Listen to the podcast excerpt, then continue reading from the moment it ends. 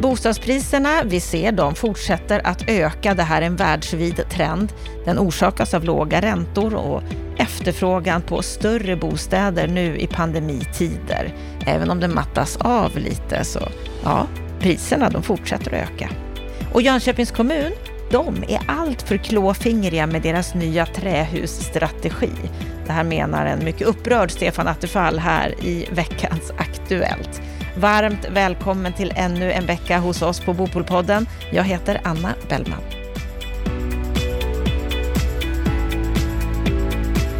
Under veckan som har gått så ska vi lyfta ett par grejer som vi ser som viktiga att belysa. Stefan Attefall, vi börjar med att priserna fortsätter att stiga på villor framför allt. 20 procent i uppgång. Det här skriver många medier om. Mm. Det är Valugard som kommer med nya mätningar och visar att just villapriserna har stigit på 12 månader med över 20 procent. Men även bostadsrättspriserna stiger.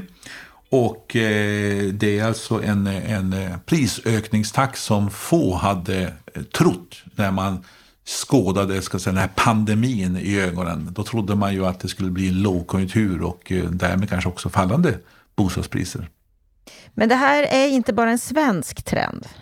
Nej, det är faktiskt inte det. Och det beror ju på delvis gemensamma faktorer. Därför att eh, prisökningar här i Sverige beror ju på pandemin självklart. Att vi efterfrågar mer och större bostäder. Eller som en mäklare säger i en artikel, du vill ha fler rum och du vill ha trädgård. Och samma effekt finns ju också i många andra länder.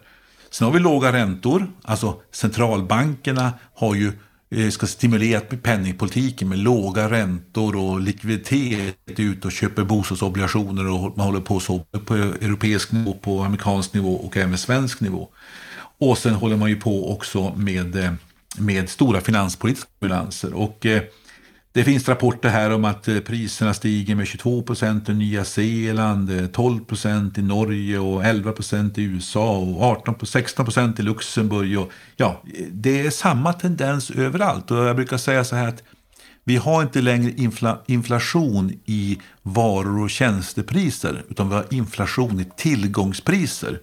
Och då säger också Johan eh, Javeus, strateg på SEB, som då kommenterar här att Västvärldens bostadsrally går hand i hand med de globala prisrekorden på andra tillgångar som jordbruk, råvaror och aktier.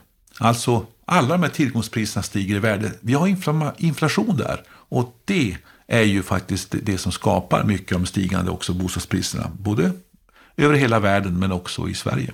Kan det här fortsätta? Kan vi se fler ökningar? De nya siffrorna visar sig också på att det börjar stanna av nu, va, eh, prisökningarna. Så att jag tror inte att det kommer fortsätta all evighet. Men det här visar på också i svensk kontext bristen på, ta exempelvis villor. Vi producerar ju inga villor i Sverige. Kommuner håller igen på detaljplaneringen för småhus. Ta våra storstadsområden. Vi bygger ju alldeles för lite villor. Och där det byggs villor eller finns tillgång till villor, dit flyttar ju då människor. Då flyttar man ut ur Stockholm exempelvis för att komma åt de här eh, småhusområdena. Så att jag skulle säga så här, utbudet är ju en viktig faktor i detta.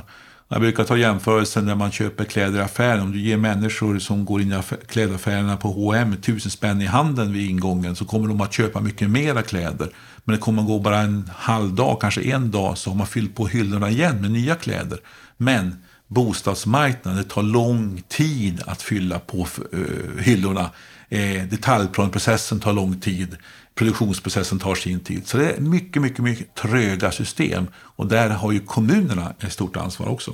Men betyder det här, om vi ska tänka lite strategiskt, om jag skulle vilja köpa en, en, en, en ny villa nu så borde jag ju avvakta lite eftersom pandemin kommer ju inte hålla på i all evighet som du säger, priserna har stannat av. Men de kommer kanske inte sjunka så jättemycket. Nej, Eller inte sjunka alls. Nej, så länge människor har pengar i plånboken och räntorna är låga, då kommer inte priserna att sjunka. Eh, så jag tror ju att det, det, är ju delvis ett uttryck också för att vi har ju klarat den här krisen med pandemin på ett bra sätt. Vi har stimulerat ekonomin. Så det är ju också ett kvitto på att vi har lyckats klara av att undvika en riktig lågkonjunktur. Eh, men sen också har ju också preferenserna kanske ändrats en del och skyndats på av, av pandemin. Det säger det här med att vi kanske vill ha större utrymme hemma, vi vill ha ett småhus att vara i, för vi är mer i bostaden, vi jobbar hemifrån mycket mera. Så att, ska säga, pandemin har, har, har påskyndat, påverkat trenderna, men själva grundfundamentet, de ekonomiska drivkrafterna, de har inte förändrats. Vi har jobb och särskilt den här gruppen människor som har råd att efterfråga bostäder, de har jobb. Och därmed kan de också efterfråga bostäder imorgon och köpa nya och större bostäder också. Samtidigt som det inte byggs nya. Nej, precis. Och priset betalar de som inte är på bostadsmarknaden. Unga, de som har låga inkomster, de kommer aldrig in. Va? Men de kommer inte in före krisen, de kommer inte in nu heller. Eh, så att eh, de stängs ute. Och det för, ska, säga, ska vi kalla det fördelningspolitiska problemet och generationsproblemet. Det löser ju ingen och det har inte lösts av det här och det kommer inte lösas heller i framtiden om inte politiken går in och skapar eh, instrument för att eh, exempelvis eh, hjälpa unga in på bostadsmarknaden med bosparande eller olika typer av åtgärder och startlån och liknande saker. Vi ska fortsätta här i, i veckans Aktuellt och ta upp ett en kommun som ju du bor i, Stefan, Jönköpings ja. kommun. De har infört en ny trähusstrategi för att minska sin klimatpåverkan, men du är inte helt nöjd över det de gör. Nej, det, jag är tvärtom. Jag är helt upprörd. Därför att det inte ska säga fel att ha en trähusstrategi. Jag vet ju att exempelvis eh, Skellefteå kommun har det och så bygger man en bro i trä och man bygger ett kulturhus i trä. Alltså man, och så vill man främja kanske också näringslivsutvecklingen när det gäller träanvändandet. Vad Jönköpings kommun nu gör det är att de ska då minska klimatpåverkan. Då inför de en trähusstrategi. Och problemet är ju när de inte säger så här, ja men vi vill använda mer trä i våra kommunala byggnader. Exempelvis bygga alla förskolor i trä eller alla förvaltningsbyggnader i trä. Nej, istället så lägger de, ålägger de bostadsproducenterna att bygga i trä. Och så går de ut på remiss med det här förslaget och då säger kommunala bostadsbolaget nej, det här kommer driva priserna, säger de. Vi vill inte ha det här åläggandet på oss. Eh, då har man sänkt eh, ambitionsnivån något, så nu ska eh, kommunala bostadsbolaget Vätterhem bara bygga 25 procent av nyproduktion i trä. Men däremot säger de att 50 procent av alla bostäder vid markanvisningar från kommunen, det ska nu ske i trä. Och vad som, vad som händer då, det är att du kommer att begränsa konkurrensen, för då, då blir några aktörer som inte kan vara med eller vill vara med därför att de har inte den inriktningen. Det innebär att priserna stiger, för det är faktiskt fortfarande något dyrare att bygga flerfamiljshus i trä. Och effekten kan ju också bli rent kontraproduktiv om du exempel skulle transportera träet ruskigt långa vägar när kanske alternativet är en eh, betong Eh, produktion i närheten av cementproduktion i närheten av kommunen. Så att det beror ju också på logistik och transporter. Det är många faktorer som påverkar klimateffekterna. Men framför allt är jag emot detta att kommuner håller på och leker nationella myndigheter. Vi ska styra de här frågorna med nationella beslut kring ekonomiska styrmedel och med regler av olika slag. Och självklart också med konsumentmakt och att få olika aktörer att söka efter mer med klimat effektiva lösningar. Men när en kommun börjar införa sådana här fyrkantiga begränsningar så blir det oftast bara dyrare och krångligare. Det är samma sak, Jönköpings kommun har nyligen infört ett förbud att bygga på åkermark. Vi har redan restriktiv lagstiftning. Miljöbalken är ganska restriktiv när det gäller att bygga på åkermark. Men kommunen går längre än så. Och sen vad händer då? Jo, grannkommunerna, i exempelvis Jönköpings fall då Habo, där byggs det mycket småhus på åkermark ja då kommer ju barnfamiljen att köpa småhus i Habo och åka med bil en och en halv mil varje dag enkel väg för att åka till jobbet. Hur mycket klimateffekt har du uppnått då? Alltså det är huvudlösa grejer och det är inte brist på mark i Sverige. Det kan ju var, var och en se. Eh, så att det här är typexempel på att kommunal politisk klåfingrighet fördyrar och försvårar bostadsbyggandet och det blir alltid som vanligt Färre hus som byggs och dyrare hus och därmed så kommer det drabba även ungdomar och ekonomiskt svaga.